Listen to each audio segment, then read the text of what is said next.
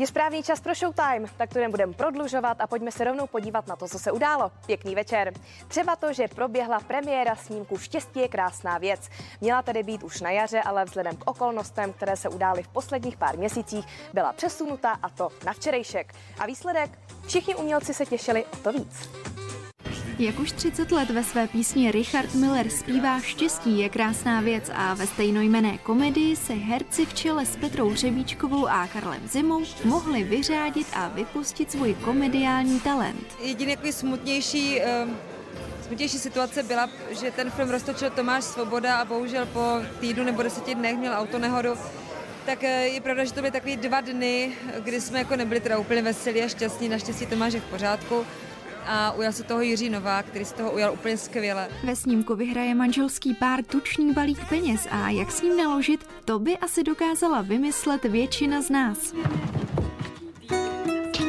Vy jste vyhráli? Co? Kdo? Kdyby mě rovnou nekleplo, kdybych se to dozvěděla, kdybych to přežila, tak, eh, tak bych asi si chtěla koupit nějaký malý domeček u moře, kde bych byla se svojí rodinou No a ten zbytek bych určitě rozdala potřebným a na nějaký výzkumy hnusných nemocí, co tady brouzdají po světě, tak aby už tady žádný nebyly. No. Já bych to utratil asi všecko.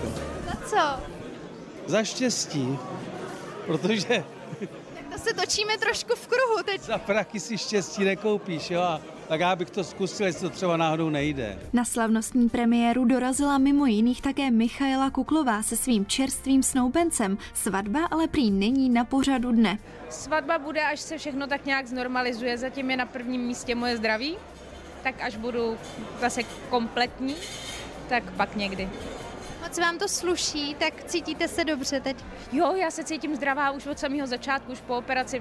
V podstatě, jak jsem se jak byla rekonvalescence, tak potom už jsem měla na hlavu nastavenou, že jsem zdravá a za zdravou se považuji, takže v pohodě.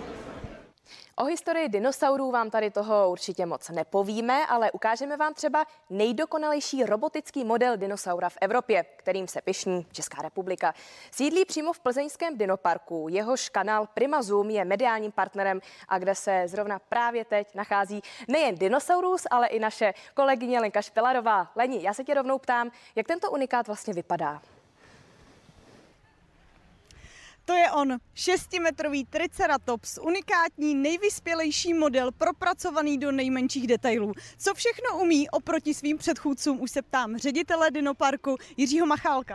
On umí všechny možné pohyby, my jsme se na něm skutečně dali záležet, protože je to krásné zvíře z konce druhého. Triceratops byl unikátní dinosaurus a také má pořádné místo v našem Dinoparku. On má deset různých pohybů, včetně čurání, které jsme doplnili jako nejnovější pohyb a dětem se strašně líbí. Je to takové překvapivé v Dinoparku a e, představili jsme ho právě tuto sezónu poprvé tady v Plzeňském. Jaké další zajímavosti váš park nabízí?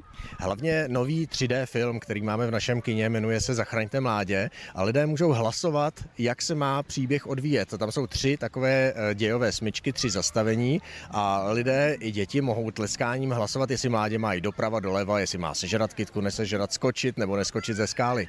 Pokud i vás láká exkurze do říše dinosaurů, tak můžete a to každý den od 8 do 18 hodin. Měli jsme tady v Showtimeu už poměrně dost modních výstřelků a různých fashion extrémů, ale šaty ze skla ne, tak ty tu opravdu ještě nebyly. Takže Blanka Matragy bingo, dneškem se tak díky nim zapisuje totiž do knihy rekordů. A asi málo kdo z vás tuší, že návrhářka dokonce ze skla vyrábí i další různé designové doplňky. Ostatně vše můžete vidět na její výstavě Timeless. Jednou Blanka Matragy dostala výzvu ze sklářského sympózia v Novém Boru, kde oslovují různé umělce ke spolupráci. Mezi nimi byla i oděvní návrhářka, která se rozhodla svůj model vyrobit místo z drahých látek právě ze skla. Já si strašně ráda Eh, odskočím od té rutinné oděvní tvorby každodenní, kterou vlastně tvořím 40 let, tak to sklo je pro mě úplně ozvláštní. Já ho miluju, když si můžu odskočit ke sklářským pecím a k mužům. Tam vlastně tvořím hlavně z muži. A učení něčeho nového je i pro skláře, kteří s návrhářkou rádi pracují. Bylo legrační to, když jsem jim řekla, kluci, a teď budeme dělat průramky, co to je, odpověděli, takže to bylo, to je takový to, to vzájemní se doplňování. Myšlenka byla jasná, spojit zdánlivě nespojitelné. A to se povedlo. Šaty se dostaly až do knihy rekordů. Návrhářka tím ovšem se sklářstvím nekončí a pokračuje dál. Já se ve sklu hodně často a velice ráda vracím. Já dostávám různé výzvy, spolupracuji s architekty, tvořím lustry, kolekce bytových doplňků, od sklenic až po mozaiky, reliefy. Raritou na výstavě nejsou jen skleněné šaty, ale i jeden kus, který Blanka Matragi navrhla v roce 82. Šaty si objednala rodina petrolejového magnáta, která jí model na výstavu i věnovala zpět jsou už vzácné tím, že už jsou vlastně z historie, že už je to téměř 40 let a e, jsou vzácné tím, že jsou celé ručně vyšívané. Další vzácností a novinkou je i to, že se návrhářka rozhodla udělat na své výstavě komentované prohlídky, kde veřejnost sama provede a popovídá si s fanoušky. Herečka Rebel Wilson zhubla 18 kg a je vidět, že se cítí naprosto skvěle. Na nové fotce v těsných modrých šatech nechala vyniknout své křivky a už dříve se nechala slyšet, že by se ráda dostala na váhu 75 kg. A to se jí evidentně daří. Zpěvačka Katy Perry a herec Orlando Bloom prožívají nezapomenutelné chvíle. Na světě přivítali prvního společného potomka. Slavní a zasnoubení rodiče dali holčičce jméno Daisy Duff. Po boku Breda Pitta se objevuje nová dámská společnost. Jestli se jedná o hercovu novou lásku, můžeme zatím jen spekulovat. Ovšem pravdou je, že půvabná modelka Nikole Poturalsky by mu dost slušela. Jeden z nejznámějších českých youtuberů Jirka Král se oženil, za ženu si vzal svoji dlouholetou partnerku Karolínu. Gratulujeme. Dala bych ruku do ohně za to, že kdybyste Richarda Krajča potkali na ulici v takovém outfitu a tak proměněného, jako jsme ho zachytili my, tak na první dobrou byste ho poznali horko těžko. Ale co zatím vlastně stojí? Že by nová ženská? Nebo se snad maskuje? Hm?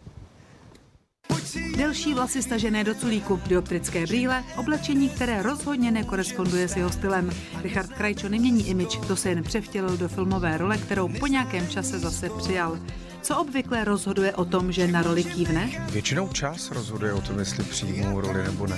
To je taková největší komplikace vlastně s kapelou a s rodinou, protože ti pro mě mají prim, no a když se to tak jako podaří, a já ty věci vím hodně dopředu, tak, tak se to někdy jako spojí. No.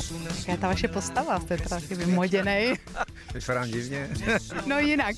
Vypadám jinak, no tak udělali mi trošku delší vlasy a dali mi takové hezké brýle, to, ty se mi líbí. Já jsem takový, co to tam jsem, takový počítačový nerd, Jo, a vlastně o té postavě se mluví, že je to člověk, kterého Gump naučí žít. Tak on je takový prostě zavřený v tom svém světě a najednou se mu tam prostě přichomítne tenhle ten kamarád a, a vlastně mu ukáže, že jsou i jiné věci, než, než ten virtuální svět, ve kterém v podstatě žije do té doby. Že jste to někdy v životě, že vám někdo trošku jako nastavil zrcadlo, ukázal cestu? Vlastně každý vám ukazuje e, nějaký, nějaké zrcadlo a nějaký směr a člověk si vybírá, do kterého se chce koukat a do kterého ne tak určitě se mi to stalo xkrát, ale v podobě takhle jako čtyřnového přítele.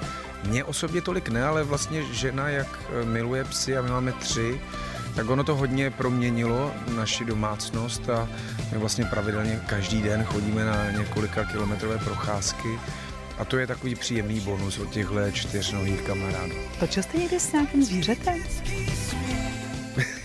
Já teď nevím. Možná Možná jo, možná v jednom seriálu, asi jsem byl na nějakém hospodářství, tak tam možná koně, vlastně něco s koněma jsem točil. No ale tam mi slibovali, že budu jezdit. Jo, to bylo takové lákadlo, oni mi dali přečíst první dva díly, říkali, budeš jezdit, to je paráda. Jo. To jsem chtěl, tak jsem říkal, tak dobře, a pak jsem nejel ani jednou, jo. pak jsem ty koně vždycky jenom vodil. No ale i tak to bylo hezké. Tak jsme si to vyjasnili. Richard se neskrývá, novou ženu taky nemá, jen točí nový film. Takže na výsledek se moc těšíme a tady na Primě pokračujeme dál. Přeji pěkný večer a zítra na viděnou.